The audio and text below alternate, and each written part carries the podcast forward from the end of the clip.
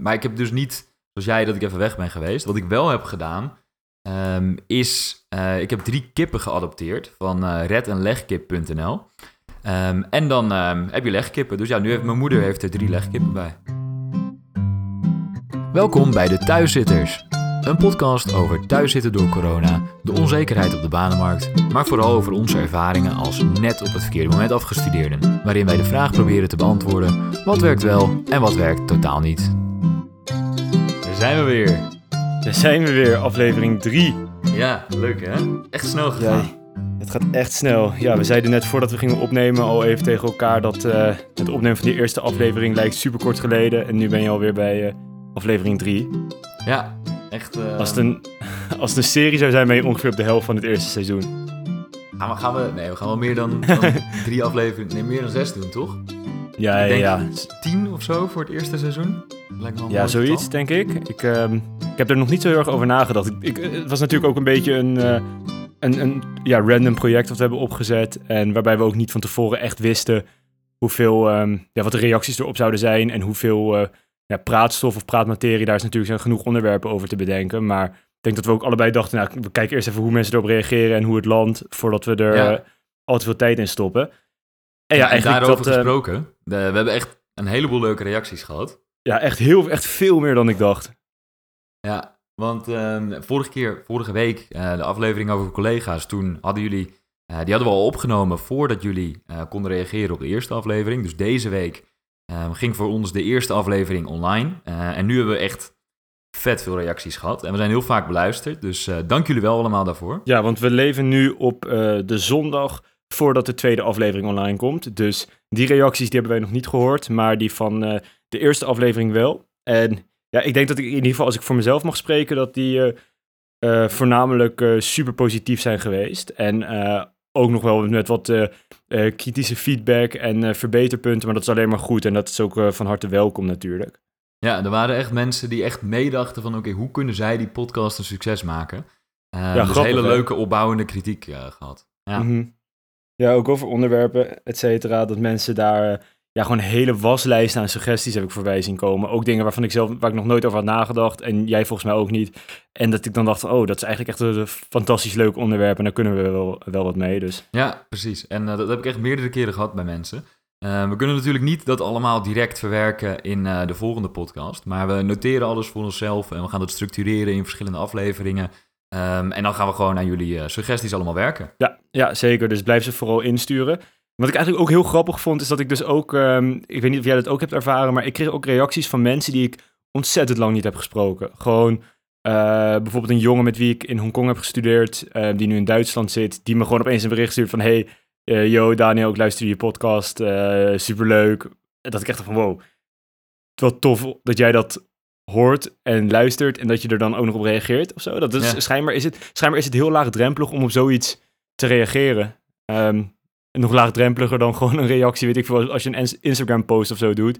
Niet dat ik daar heel actief op ben, maar als je dat, als je dat doet, dan, eh, dan lijkt die drempel haast hoger dan eh, voor zoiets als een podcast. Ja, dat is wel interessant. Hè? Misschien komt het dan toch omdat mensen een half uur lang je stem hebben gehoord. En dan hebben ze het gevoel van, oh ja, die Daniel, die ken ik hartstikke goed. En dat ze dan gewoon ook weer reageren. Ja, ja, dat zou goed kunnen. Wat, wat zijn een beetje de reacties die jij hebt eh, ontvangen in je omgeving dan? Nog, nog bijzondere mensen van wie je het niet had verwacht? Die, Ehm, opeens contact nou, met je opnamen? mensen van wie ik het niet had verwacht. Gewoon vooral heel vaak dat mensen het heel leuk vonden. Ehm, en ook dat mensen zeiden van, nou, je zit dus weer thuis door corona, maar je, je maakt er gewoon iets superleuks van door gewoon een podcast erover te gaan beginnen.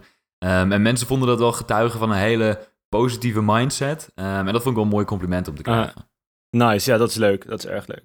Ja, en we hebben natuurlijk eh, keiharde statistieken die, eh, die Ja. eh, bewijzen dat het eh, nou ja, schijnbaar in ieder geval op bij, bij een aantal mensen aanslaat. Want we hebben de 100 volgers op Instagram bereikt. Volgens mij, as we speak, zitten we misschien nog wel op nou ja, 103 of iets dergelijks. Dus blijf vooral volgen, eh de thuiszitters, als je dat nog niet doet. Ehm, en we hebben ook... ehm, Mensen hebben gehoor gegeven aan de vraag om er een reactie en een review achter te laten op Apple Podcast. Want daar staan we netjes op eh, vijf volle sterren.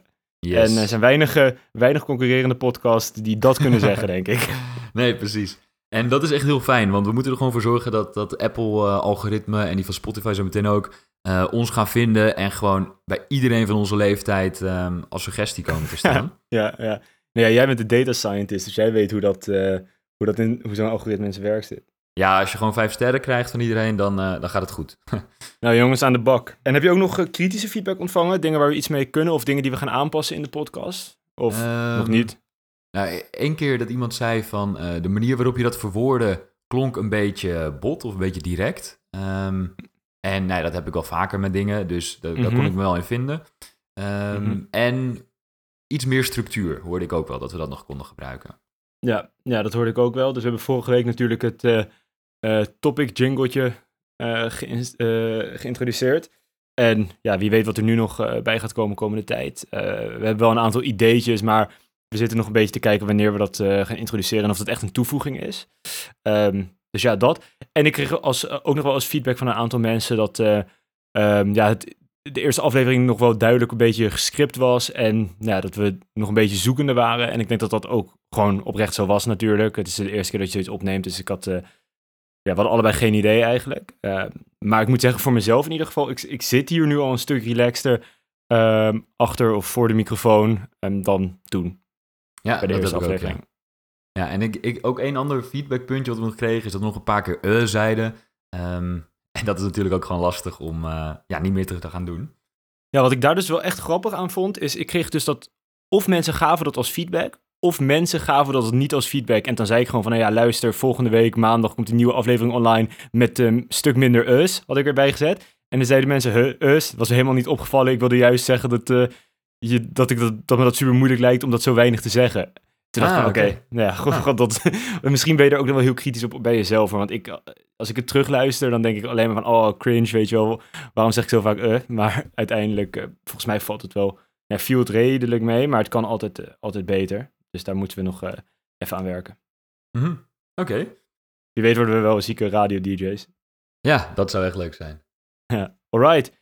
Wat is er Ja. gebeurd nog op het gebied van eh, banen? Is er nog nieuws? Nou, er is zeker nog nieuws. Ehm, ik had hem deze week ook al even gedeeld op de Instagram. Ehm, Oké. Er zijn namelijk 74.000 werklozen bijgekomen volgens het CBS in de maand juni. En veel daarvan zijn jongeren. Ehm, dus dat is in principe heel slecht nieuws. Maar dat betekent wel dat de afzetmarkt voor deze podcast ja, met 74.000 mensen is gegroeid in één maand. Dus ja, dat is eigenlijk dan wel weer het goede nieuws bij het slechte nieuws. Ja, de- oh, dat was een eh, fantastische, fantastische week dus. Een fantastische maand eigenlijk. Voor ons als eh, podcastmaker. Ja, als podcastmakers wel. Maar dat betekent dus ook weer dat er veel meer eh, concurrentie is op de banenmarkt. Ja, ja, ja, precies. Maar ja, over die concurrentie op de banenmarkt.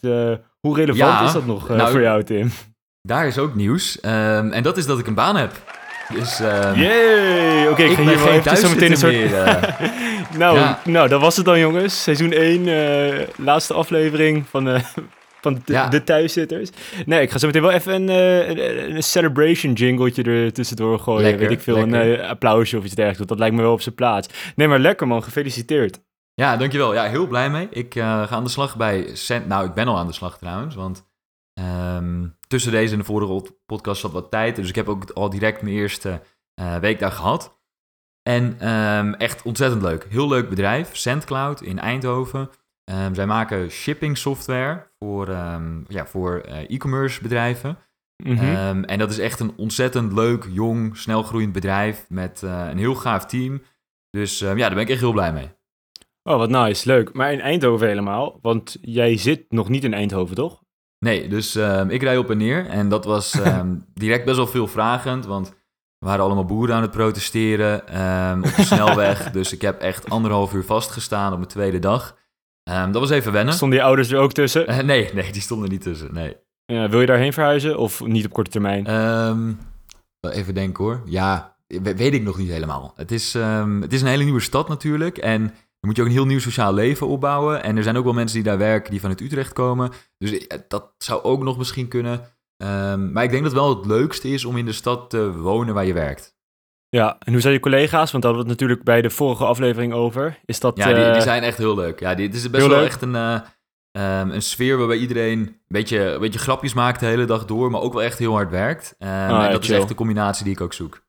Nice. En wat is een beetje de leeftijd waar je, waarmee je werkt? Uh, binnen mijn team is dat ongeveer 28 gemiddeld. Oh ja. Eh, met één uitschieter van 30, twee van 28, um, één van 23 en ik ben nog 24.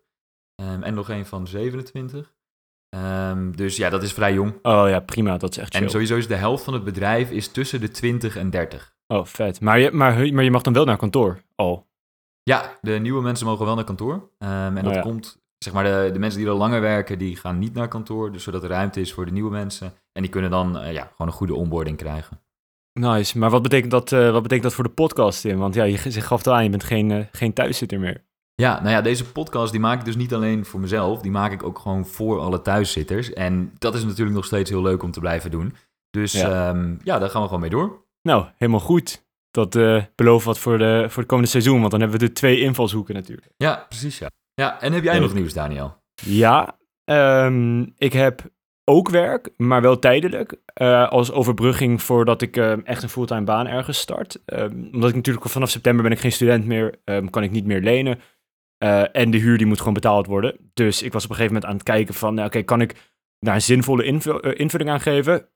En toen werd ik door mijn huisgenoot geattendeerd op een baan bij een bedrijf in Zoetermeer. Um, en ja, het is nog niet helemaal een kan, in en, kan en kruiken als in dat ik nog geen contract heb getekend. Dus ik hou nog heel veel de naam van mezelf. Maar als het goed is, uh, krijg ik het contract ergens binnenkort. En dan uh, deel ik alle details met jullie. Maar uh, wat zij doen is, zij maken um, ja, mobiele medische apparatuur. Dus ze werken samen met nou de grootste medische producenten van deze wereld.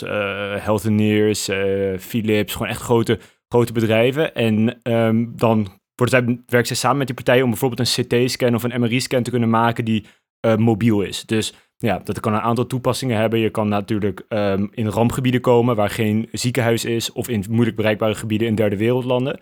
Mm. Maar wat je ook kunt doen is um, bijvoorbeeld in landen waar uh, private ziekenhuizen heel groot zijn, bijvoorbeeld in de Verenigde Staten. Die hebben vaak niet het budget of de, de middelen om en een MRI en een CT, et cetera, aan te schaffen. En met een mobiele, uh, met mobiele medische apparatuur kun je die kosten delen. En dan verplaats je gewoon dat apparaat tussen verschillende ziekenhuizen. Ja, precies. Dus en, mobiel um, slaat niet op, op de telefoon, maar dat bedoel je op wielen in een vrachtwagen ja. of zo. Ja, ja. ja echt. Uh, ja, heel, ik ben daar dus geweest voor mijn uh, sollicitatiegesprek. En nou, ik heb gelijk even een tour gehad over de fabriek. Uh, en dat is echt bizar. Dat, wat daar allemaal geëngineerd wordt en gedaan wordt en gebouwd wordt. En wat voor machines daar staan, dat is niet normaal.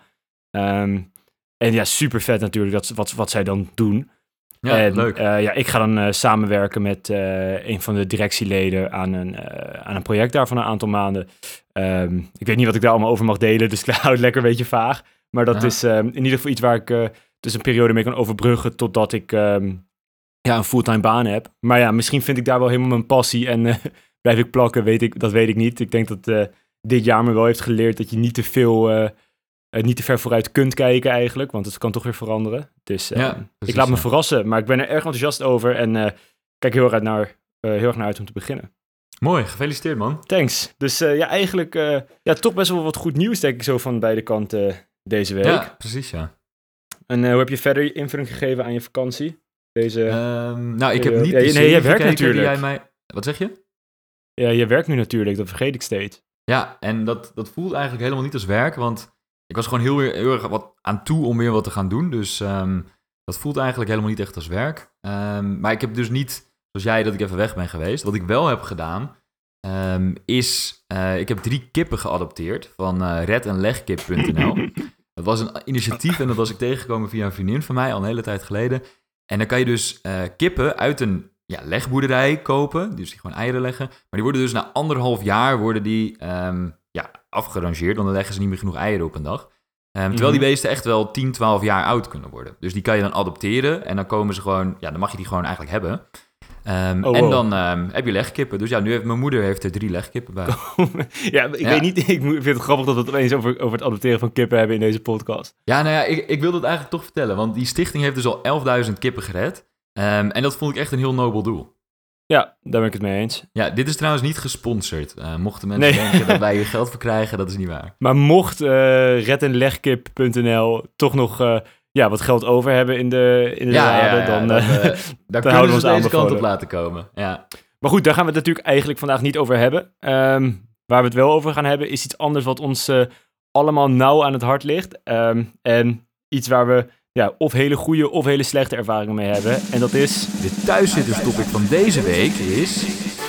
Solliciteren. Solliciteren. God, Tim, wat vind je daar nou van? Ja, wat vind ik daarvan? Uh, nou, ik heb het inmiddels uh, genoeg gedaan. Um, soms vond ik het leuk, soms vond ik het minder leuk. En dat hing er eigenlijk ja, vanaf of ik de ronde doorkwam of niet. Um, dus ja, nee, ja, wat vind ik daarvan? Um, kan leuk zijn. Ja, ja, daar sluit ik me bij aan. Oh, ja, wat ik nog wilde zeggen is, deze, uh, dit onderwerp van deze week, dat is een tip van uh, Cheyenne om, uh, ja, om, dat, om het daar eens over te hebben. Dus dankjewel, Shen. Ja, dankjewel, Shen. En zo zie je maar weer, we gaan gelijk met jullie ideeën en tips aan de slag. Dus blijf ze vooral insturen. Ehm, maar ja, wat vind ik van solliciteren? Ja, het, het kan wel best wel gezellig zijn. als je, gewoon je, je, kan echt leuke gesprekken hebben. Dat is wel iets wat, wat me heel erg is meegevallen in, in mijn sollicitatieprocessen. Um, aan de andere kant, ja, het is natuurlijk gewoon billen knijpen en stressen en... Um, je, je gaat altijd weg met het gevoel, oké, ging goed. En elke minuut die voorbij gaat, dan, dan daalt dat vertrouwen in een goede afloop. En twee dagen later, als je bijna te horen krijgt of je wel of niet door bent, dan weet je 100% zeker dat je het niet hebt gehaald. En je hebt elke vraag 100 keer overdacht. En dan weet je zeker dat je het verkeerde antwoord hebt gegeven. Dus in dat opzicht vind ik het ook wel een. Ja, het, het vraagt wel veel van je. Um, gewoon, op, gewoon op mentaal vlak. Maar um, het proces zelf, ik vind het vaak best wel ja, best wel gezellig kan het zijn. En best leuk. Ja, dat, daar, kan, daar sluit ik me wel bij aan, ja. Ik heb heel vaak dat ik daar zit en dat ik het best wel gezellig vind. En dan, zodra ik wegga, dan bedenk ik me ineens van... wow, ik heb echt heel vrij uit zitten praten, weet je wel? En dat, dat je denkt van, ja. heb ik mezelf niet compleet veel te veel blootgegeven in de stoel... en veel te veel verteld over hobby's en dingen die ik le uh, leuk vond. Dat, dat, ze denken van, wat, wat, wat bazelt die gozer nou? Ja, dat, dat vind ik dan wel lastig. Dat als ik dan wegloop, dat ik dan echt dat zo, zo spannend vind. En dat ik echt moet leven met die spanning totdat ik het dus hoor. Ja, ja ik denk dat, ze, dat, dat dat ook wel heel natuurlijk is. En dat je altijd soort van ontevreden bent over je aanpak. Want je bent of te serieus geweest of inderdaad te vrij gesproken. En je weet, nooit, je weet ook nooit wat iemand verwacht natuurlijk. Want je kent diegene tegenover je niet. Dus ja, de ene vindt het juist super leuk als jij uh, uitgebreid vertelt over al je hobby's en je reizen en dit en dat. Uh, terwijl iemand anders die wil gewoon weten of jij kunt rekenen en uh, een casus kunt oplossen. Ja, ja, en dat verschilt ook heel erg per persoon. Ik heb, ik heb wel eens de feedback gehad van... Um, toen vertelde ik... Nou, ik had, ik had twee sollicitaties in korte tijd. En ik vertelde gewoon over wat ik leuk vond. Dus een van die dingen was lezen. En toen kreeg ik van de ene kreeg ik de feedback van... ja, je moet eigenlijk even goed bedenken voor jezelf... waar je je sollicitatietijd aan wil besteden. Want ja, we hebben het gewoon over een boek gehad... wat jij hebt gelezen. En um, dat was niet echt relevant. Ja. Terwijl van iemand anders kreeg ik te horen van... Wauw, wat ontzettend gaaf dat je hobby lezen is. Uh, laat echt zien dat jij geïnteresseerd bent in onderwerpen. Um, en ik heb tenminste met jou niet zo'n oninteressant gesprek over ditjes en datjes. Het gaat gewoon over iets diepgaands, namelijk een oh, boek. Ja. En ja. ja, dan merk je wel hoe verschillend dat is, zeg maar. Ja, daar valt ook echt geen pijl op te trekken. Dat is... Uh, ja, dat, dat maakt het denk ik ook gelijk super lastig. Dat je gewoon niet weet wat een interviewer van je verwacht. En Kijk, je weet dat je gewoon goed moet presteren en dat je je beste beentje voor moet zetten. Maar ja, wat dat precies inhoudt, dat is volgens mij nooit uh, uh, van tevoren bepaald. En nee, precies. En, en, dat verschilt ook gewoon per bedrijf. Ja, denk je dat je dat kunt leren, dat aanvoelen, of dat het gewoon ook een beetje gokken blijft? Um, nou, de enige echte takeaway op dat gebied is dat de mensen die wat meer senior zijn binnen een bedrijf, die vinden het echt fantastisch om het gewoon niet zo'n standaard sollicitatiegesprek te hebben. En de mensen die wat meer junior zijn, die zijn echt nog nou, die zitten bij wijze van spreken met de uh, checklist die ze van tevoren van de recruiter hebben gekregen in hun hoofd. Um, Gewoon puur te denken van, does this guy tick all the boxes? Um, ja. En dus voor die meer junior personen, doe lekker dat standaard praatje, maar met die, met die wat meer seniors, praat gewoon lekker over boeken en over wat bij je opkomt en maak het een lekker vrij gesprek. Um, zulke dingen. Ja, goede tip. Echt een goede tip. Want dat, dat, ik had daar nog nooit zo actief over nagedacht, maar ik herken het direct. En dat is ook mhm. logisch, want als je daar al 50 jaar werkt en, uh, oké, okay, 50 misschien heel overdreven, maar lange tijd werkt en je hebt een paar van die sollicitatiegesprekken per maand.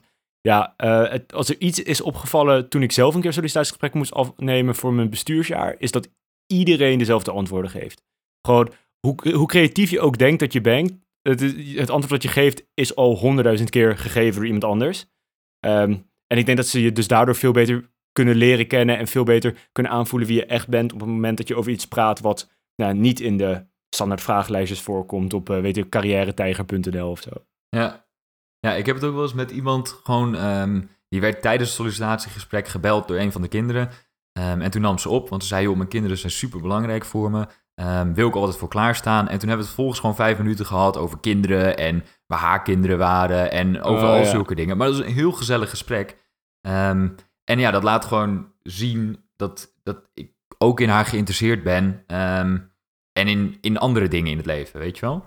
Ja, precies. Ja, dat, eh, ja, daar kan ik me wel in vinden. Ik heb ook een keer in een eh, gesprek met een partner gehad. Dat was helemaal aan het begin van die coronatijd. Dat je een gesprek hebt en dat het de hele tijd over gaat van ja, hoe zou het gaan? De- Denk je dat corona ook op een gegeven moment naar Nederland komt? Uh, Gewoon heel erg totaal niet relevant eigenlijk voor nou, de functie. Ehm, maar wel, het laat wel zien natuurlijk hoe je denkt en hoe je in het leven staat. Dat vind ik altijd een heel erg eh, afgezaagde manier om iets te zeggen. Maar ja, dat is wel zo natuurlijk. Het, het, het Mhm. toont gewoon een beetje je karakter op een wat meer authentieke manier dan iets wat je gewoon dagenlang hebt kunnen voorbereiden. Ja, ja logisch. Nu we het toch hebben over dan afgezaagde sollicitatievragen. Heb je wel eens een eh, vraag gekregen waarbij je echt verrast was? Dat je echt van wow, oké, ehm, dit komt heel erg out of the blue. Wat, wat moet ik hierop antwoorden? Of misschien iets waarvan je dacht, joh, super creatieve vraag. Ehm, leuk dat je dit stelt. Ehm, nou, er is wel één vraag die me echt, echt bijstaat. En dat was, toen kreeg ik eerst de vraag van, nou, vertel eens iets wat gewoon een moeilijke tijd was in je leven. En toen ging ik daarover vertellen, maar ik kwam eigenlijk al niet helemaal lekker uit mijn antwoord. Dus ik, ja, dan voel je al een beetje van, oeh, ik had dit iets anders moeten vertellen. En Ja. toen zei die, die vent, die zei van, was dit het nou echt? Weet je wel, was dit Mhm. nou echt de lastigste tijd in je leven? Je bent nu 24, je hebt best wel wat eh, levenservaring, lijkt me.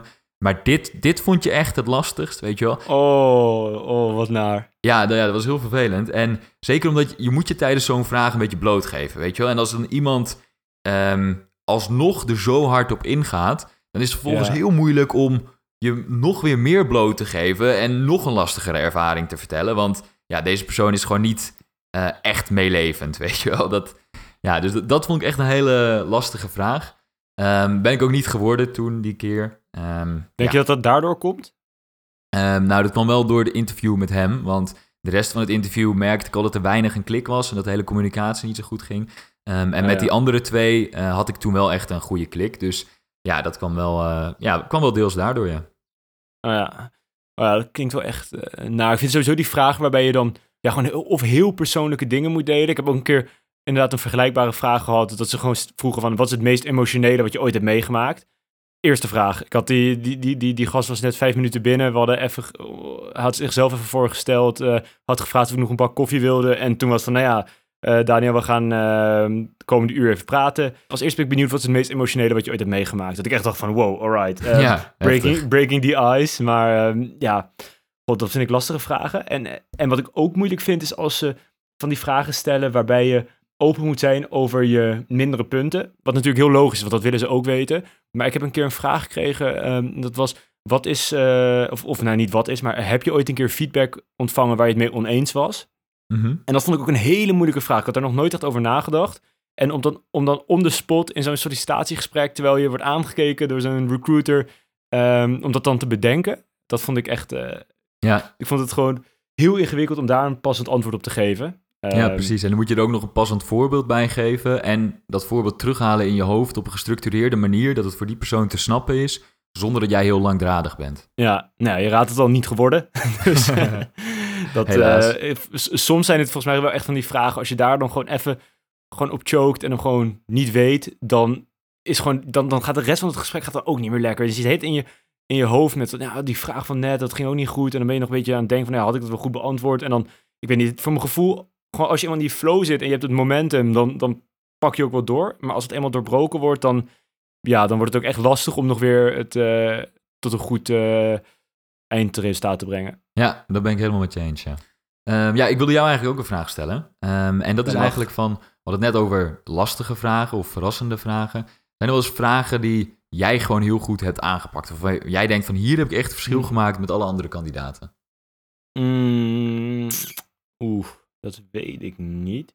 Dat vind ik heel lastig, omdat ehm, vaak zijn de vragen toch redelijk standaard. En ik ben er ook wel echt van overtuigd dat je dus, nou, wat ik net ook al aangaf, dat op van die standaard vragen ook vaak een antwoord komt wat enigszins standaard is. In ieder geval niet iets wat helemaal uh, from scratch nog nooit eerder bedacht is. Ehm, dus ik weet niet of ik echt met één specifiek antwoord ooit een keer, zeg maar, mijn, ja, gewoon, gewoon de battle heb gewonnen, zeg maar. Ehm, maar ik denk wel dat ik, uh, en dat hoor ik ook wel vaak, dat ik gewoon, als ik ergens voor solliciteer, dan wil ik het ook echt graag. En um, dan ben ik oprecht geïnteresseerd in hoe dat bedrijf werkt, in wie daar werken, in wat mij te wachten staat als ik daar zou gaan werken. Dus ik, ik geef mezelf best wel makkelijk bloot in zo'n sollicitatiegesprek. En ik ben ook oprecht geïnteresseerd in nou ja, alles wat die interviewer mij te vertellen heeft. En ik denk dat ik me best wel goed op me, of in ieder geval nou, op mijn gemak kan voelen. Vooral dat ik heel erg rust kan uitstralen in een sollicitatiegesprek. En gecombineerd met dan ja, uh, oprechte interesse en enthousiasme. Ik denk meer dat die combinatie van ja, hoe ik daar zit, dat dat misschien vaker de, de doorslag geeft dan echt puur inhoudelijk het antwoord. Um, Natuurlijk kijk daar denk ik goed over na en ik bereid die vragen goed voor. En ik zorg gewoon dat ik ja, goed beslagen ter ijs kom. Maar ik denk dat ja, de, de, boodschap zelf en hoe je de boodschap aflevert, dat dat minstens even belangrijk is. En ik denk dat bij mij persoonlijk, dat misschien hoe ik die boodschap aflever, dat dat nog belangrijker is dan puur alleen de boodschap. Ja, en die oprechte interesse, denk je dan, is dat gewoon een eigenschap van jou? Of is dat gewoon puur doordat je alleen solliciteert bij de plekken waar je, waarin je oprecht geïnteresseerd bent? Um, ik denk de tweede voornamelijk. Omdat ik gewoon, ja, kijk, ik wil gewoon dan alles weten over dat bedrijf. En ik wil gewoon weten van, is het inderdaad zo leuk als dat ik denk dat het is? Zijn de mensen die hier werken mijn soort mensen? Um, dus ook na afloop, als het, als het interview voorbij is, ik heb altijd nog wel gewoon nou, een kwartiertje. Dat loopt altijd uit. Uh, gewoon een gesprek met degene met wie ik een interview heb gehad over van alles en nog wat. En er zijn natuurlijk altijd uitzonderingen op dat je gewoon geen klik hebt met die interviewer. Maar als het gewoon een beetje klikt, dan ja, kan ik gewoon heel lang daarna nog een beetje over koetjes en kalfjes hebben. En ik denk dat dat gewoon... dan ga je allebei toch met een goed, gesprek, uh, met een goed gevoel het gesprek uit. En het idee dat je elkaar kent of hebt leren kennen, voor zover het mhm. mogelijk is in die tijd. Hey, en, en ik zit nu heel veel hard op te denken, hè? maar stel er is nu een luisteraar die denkt van joh, ik heb al vier keer, vijf keer gesolliciteerd bij plekken waarin ik oprecht geïnteresseerd was. Um, Dat is allemaal niet gelukt door corona. En nu zijn die plekken, die zijn eigenlijk een beetje weg. Maar ik moet dus alsnog met die oprechte interesse ja, komen zometeen bij, bij een ander bedrijf. Hoe, hoe kunnen zij dat dan het beste doen? Um, ja, dat is lastig. Kijk, als je ergens gewoon als je gewoon bij een bedrijf gaat solliciteren om het solliciteren en om het werk vinden en ja, je kent het bedrijf niet of je vindt het gewoon niet super interessant, dan denk je dat het best wel moeilijk is om dat um, ja, zo te laten lijken. Kijk, je kan altijd, je kan altijd acteren en gewoon, gewoon proberen te doen alsof je heel enthousiast bent en hopen dat ze het geloven. Maar ik denk, ik, ik, ja, ik weet niet, ik ben daar best wel een beetje sceptisch over dat dat werkt. Um, wat je denk ik beter kan doen is gewoon kijken van, nou ja, wat is de, um, ja, wat zijn een beetje mijn second best options? Wat vind ik nog steeds wel interessant voor een leuke sector? Is misschien niet helemaal de droombaan, maar het heeft wel elementen die ik interessant vind. En dan gewoon met mensen gaan praten die uh, heel goed zijn in um, positief dingen benaderen. Want je hebt altijd toch mensen in je omgeving die over alles zeggen, oh wat vet, oh wat leuk, oh super cool dat ze dit en dit en dit doen. En die, die mensen kunnen een soort van die, die vlam aanwakkeren, waardoor je toch over iets enthousiast kan worden waar je dat van tevoren misschien niet over dacht. Ja, zodat je een ehm, beetje sociale bevestiging krijgt vanuit je omgeving en dan ineens heb je ja, er ook precies. in. Ja. ja, precies. Ik denk dat dat met heel veel dingen zo kan lopen. Dat, dat, ja, je kan enthousiasme echt van, gewoon intrinsiek hebben. Maar ik denk dat heel veel ook komt uit het feit dat ja, een soort van, van approval van anderen die daar ervaring mee hebben, of misschien juist niet, maar gewoon het idee dat, ja, dat andere mensen kunnen je natuurlijk inzichten geven over wat er vet kan zijn aan zo'n baan. Ehm, die je misschien zelf nooit had gevonden. Ja, goeie. Of zeg jij het heel raar? Want hoe zou jij dat dan aanpakken? Want nou, wat, ik dus wel eens heb gedaan, dat ik dacht van... oké, dit bedrijf is op zich wel interessant... maar dat ik niet helemaal wist... is dat ik gewoon niet direct heb gesolliciteerd... maar gewoon wat mensen benaderd van dat bedrijf van... hey, ik zit bij, aan jullie te denken om erbij te oh komen. Um, kan ik een keertje met jou bellen? En dan vanuit de manier waarop gewoon zo'n random medewerker het erover heeft... denk je van, oh wacht, hier kan ik me best wel in vinden... en dit lijkt me leuk... En dan, dat heeft eigenlijk ook nog het voordeel dat als je dan gaat solliciteren, dat je ook nog weer kan zeggen van, ja, ik hoorde van deze medewerker dat dit en dit hier heel erg speelt. Um, en dat matcht heel erg bij mijn ervaringen hier, waar ik toen heel veel energie uit kreeg. Um, dus dan heb je ook direct al wat meer lading van waarom je dat bedrijf leuk vindt. Ja, ja goed, dat vind ik een super goede tip. Want ja, we hebben natuurlijk vorige aflevering gehad over collega's. En dat dat super belangrijk is. En eigenlijk ja, pel jij nu een beetje het bedrijf aan de hand van die maatstaf. Ja, Ja, vet. Precies. Nice. Ja. Maar heb jij, want, want, want ik wil nog heel veel terugkomen op iets wat je mij net vroeg, ehm, kort alleen. Eh, maar heb jij wel eens echt een keer een antwoord gegeven op een vraag waarbij je denkt, oké, door dit antwoord heb ik dit sollicitatiegesprek binnengesleept? Ehm, nee, ik, ik heb niet één specifiek voorbeeld daarvan. Ehm, wat ik wel, wel eens doe, is dat ik ehm, bijvoorbeeld stel ik zeg in mijn introductie van nou, dit vind ik interessant en dat vind ik interessant. En ik heb dit gestudeerd en dat gedaan. Is dat als ik vervolgens een vraag krijg van ehm, waar heb jij een keer heel veel van geleerd en ervaring, dat ik dat dan weer eerst match aan die ervaring die ik heb gezegd in mijn introductie. Van ehm, ik heb toen dit gedaan en ik heb toen dat gedaan. En dat ik Mhm. vervolgens zeg van Ehm, en dat creëerde bij mij een, eh, een wil om dit en dit te leren. Dus toen ben ik, heb ik me hiervoor opgegeven. En binnen die ervaring heb ik dit en dit geleerd. Of heb ik dit bereikt. En dan, doordat je iedere keer ehm, je nieuwe ervaring waarover je vertelt, ma- eh, matcht of linkt aan wat je in je intro- introductie of in een vorig antwoord hebt gezegd, krijgen mensen heel erg het idee van, oh, dit is geen ingestudeerd antwoord. Maar ik krijg echt de rode draad van Tim's leven te zien. Ehm, en dan hebben mensen echt het gevoel dat ze jou helemaal snappen aan het eind van dat interview. En dat is ook wel eens een feedbackpunt wat ik had gekregen, is dat ik dat goed deed. En dat, ze, dat ik heel geloofwaardig was daardoor. Oh, ja, dat is een goeie. Dat is denk ik ook belangrijk, dat, dat geloofwaardig overkomen. Ehm, gewoon, de- ja, dat oprechte. Kijk, zodra je gewoon heel erg gespeeld bent, dan merken ze dat. Die recruits zijn natuurlijk gewoon getraind. En Ja, die, die merken direct wanneer, dat, wanneer er iets niet klopt. Dus ik denk wel dat het, dat, dat, ja, gewoon als je solliciteert bij iets wat je oprecht leuk vindt en je gewoon goed voorbereidt, dat je dan heel natuurlijk jezelf kunt presenteren daar en dat dat super belangrijk is. Inderdaad, nou, ja, wat jij aangeeft, gewoon een antwoord geeft dat hout snijdt, dan, ja, dan denk ik dat het gewoon perfect is eigenlijk voor wat je moet kunnen bij zo'n... eh, ja. Interessant dat je dat zegt, want ik heb dus wel eens ehm, altijd die, die balans tussen hoe bereid je een sollicitatiegesprek voor. En wat, wat ik dus heel erg de neiging heb om te doen, is om dat veel te veel voor te bereiden als ik een sollicitatie heel belangrijk vind. Dus dat had ik bijvoorbeeld een keer in het begin van dit jaar. Ik had de, de laatste ronde en ik vond het echt, ik wil- ik wilde daar echt werken. En toen had ik nog twee gesprekken. Mhm. Dus ik, ehm, ik had het echt best wel goed voorbereid. En dat eerste gesprek dacht ik op een gegeven moment van... oké, ik moet het eigenlijk ehm, niet te ingestudeerd beginnen. Dus wat doe ik? Ik ehm, begin gewoon lekker met over mezelf te vertellen. En ik zeg gewoon tegen die vrouw van... joh, haak vooral ergens in waar jij het interessant vindt. Dan wijden we daar even over uit. Dus ik begin eh, te vertellen over mijn leven. En zij haakt een aantal keer in. En ehm, een paar zijsprongetjes genomen over ditjes en datjes. Ehm superleuk gesprek gehad, supergoed interview. En toen moest ik dus nog een interview. En ehm, toen dacht ik van, nou, dan doe ik gewoon hetzelfde. Oh ja.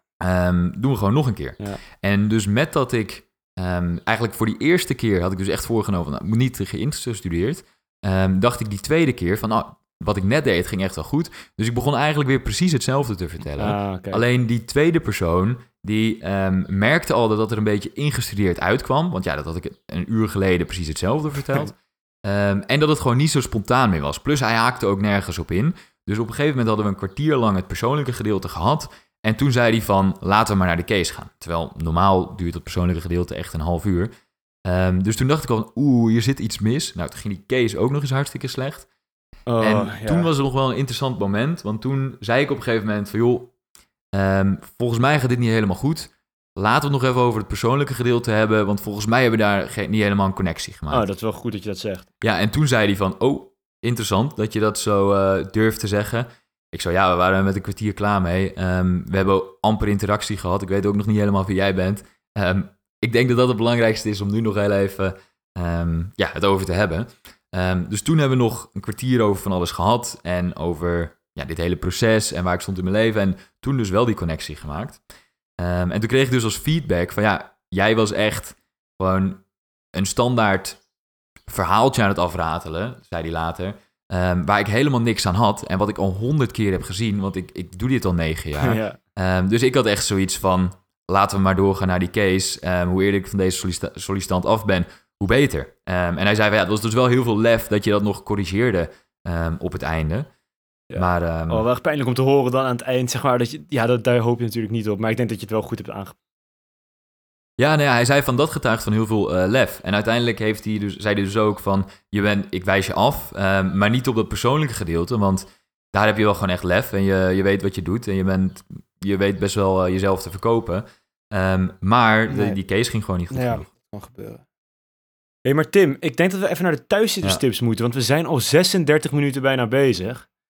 Eh, het, gaat echt, het gaat echt hard. Ik, Ja, ik zit er best nu hard, gewoon even hard op te denken, maar misschien moeten we gewoon een keer een, een sollicitatie eh, deel 2 maken. Want eh, ja, er is nog best wel veel wat we hierover kunnen, Ja, kunnen bespreken. Ehm, dus nou ja, misschien dat we, als je dit hoort ehm, en je denkt, oké, leuk, ik wil hier meer over horen, laat het ons vooral even weten. En dan eh, gaan we ook aan de slag met een deel 2. En dan is het misschien nu een goed moment om nog even wat tips te Ja. geven voor, nou ja, misschien voor een sollicitatiegesprek. thuiszitterstips. De thuiszitterstips. Ehm Daniel, heb jij een tip voor deze week? Ja, zeker. Ik, ehm, ik denk dat het belangrijk is dat je bij een sollicitatiegesprek ehm, goed voorbereid bent, et cetera, bla, bla, bla. Maar ik denk dat het ook belangrijk is dat je gewoon fit en representatief voor de dag komt eh, bij zo'n sollicitatiegesprek. Dus mijn ja, tip is, eh, heeft wat meer betrekking op mijn routine voor zo'n sollicitatiegesprek, over hoe ga ik, werk ik daadwerkelijk naar dat gesprek toe. En er zijn eigenlijk een aantal tips, een viertal tips die ik daarover wil geven. Ehm, als eerste denk ik dat het heel belangrijk is qua voorbereiding dat je gewoon oefent met een persoon. Eh, het is natuurlijk heel makkelijk om van die lijstjes online te vinden met de meest gestelde sollicitatievragen. En nou, dat je die afgaat en opschrijft en dat je dan naar een gesprek gaat. Maar toch merk je dat als je het moet zeggen, hardop, tegen iemand, dat dit heel anders is dan als je het gewoon uitschrijft. En ehm, dat is denk ik, dat heeft mij het meest geholpen met solliciteren, is gewoon met mensen gaan zitten. En het liefst mensen die je niet zo heel goed kent. En dan gewoon Ja. open kaart spelen en je eh, antwoorden gaan oefenen. Ehm, en dan op de dag zelf, of in eigenlijk de dag van tevoren, ga lekker vroeg naar bed. Dat is tip 2. Zorg dat je 's ochtends goed eet. Eh, mijn gouden tip is veel fruit. Want die suikers die zorgen er echt voor dat je gewoon eh, eh, helemaal fit bent. En drink niet te veel koffie, want dan krijg je een, een dipje. En dan nog mijn Ja. echt gouden, gouden tip is ga vroeg weg van huis. Want het er is niks ergers dan als je moet haasten naar je sollicitatiegesprek. Dat je dan helemaal bezweet aankomt. Dat je dan nog voor de deur met je jasje moet gaan zitten wapperen. Om ervoor te zorgen dat je niet helemaal glimmend en, en druppelend daar binnen loopt. dus dat is gewoon zorg. Weet je wel, dat, je, je gaat toch uren daar zitten bij dat bedrijf. Neem even een kwartiertje extra en ga gewoon op tijd daarheen. Want het bespaart je echt super veel stress. En dan hoef je in ieder geval niet bezig te zijn met hoe, hoe bezweet zie ik eruit. Maar kan je gewoon focussen op het gesprek zelf. Ja, ik vind dat wel een leuke tip. Ehm, zeker dat gedeelte wat je zoekt, eh, wat je zei van ga met vreemde mensen oefenen die je niet zo goed kent. Ehm, zo hebben Daniel en ik elkaar ook ontmoet. Ehm, en het zou dus zomaar kunnen dat als je dat doet, dat je gewoon zes maanden later een podcast aan het opnemen bent met die persoon. Precies. En dan heb je een hartstikke leuk project en 100 volgers op Instagram. Dat is toch, dat is toch top. Ehm, ja, nee, dan mijn tip. En wat, wat ik eh, meekreeg van de recruiter dus afgelopen week is van, van SendCloud. Zij zei van ja, jij was echt heel enthousiast. En we dachten daarom heel erg dat jij paste bij het fun aspect van ons bedrijf. Ehm, ze zei van, althans, dat dacht ik. Dus zij heeft gewoon gezegd van, ik eh, cancel iedereen, behalve Tim. En die gaat ronde 2 en 3 in. Want Oh. zij wilde dus dat ik het word.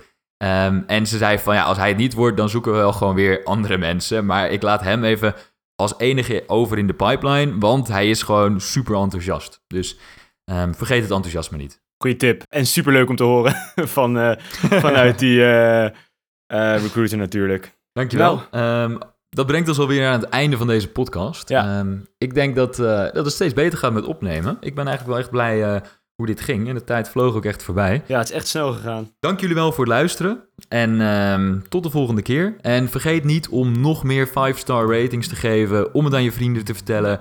Om het te delen op Instagram als je dat leuk lijkt. En ehm, tot de volgende keer. Yes, en als ik er nog één ding aan mag toevoegen, wat me laatst opviel, is dat eh, nou ja, onze grote concurrenten aan, eh, in de podcastwereld, die worden altijd in de stories van hun luisteraars getagd, aan het strand, eh, in de auto, ehm Ed, en dan de podcastnaam, dus doe dat ook eventjes. Dat je, als jij lekker eh, op het strand ligt in Italië nu eh, met je mondkapje op, maak eventjes een fotootje en eh, tag Ed de thuiszitters, zodat wij eh, ook ehm, onze Joe Rogan eh monies kunnen binnenslepen. Ja, helemaal goed. Top. Hey, Tim, Alright. dankjewel weer. En ehm, we hebben contact. Mazzel. Yes, hoi. Ehm, dit was de aflevering van deze week. Volgende week zijn we er weer met een gloednieuwe aflevering. Volg ons in de tussentijd op Instagram, de thuiszitters. Wil je zelf een onderwerp aandragen, een audioboodschap insturen... of misschien zelfs aanschuiven als gast? Stuur ons een DM of mail naar de thuiszitterspodcast@gmail.com. Tot volgende week!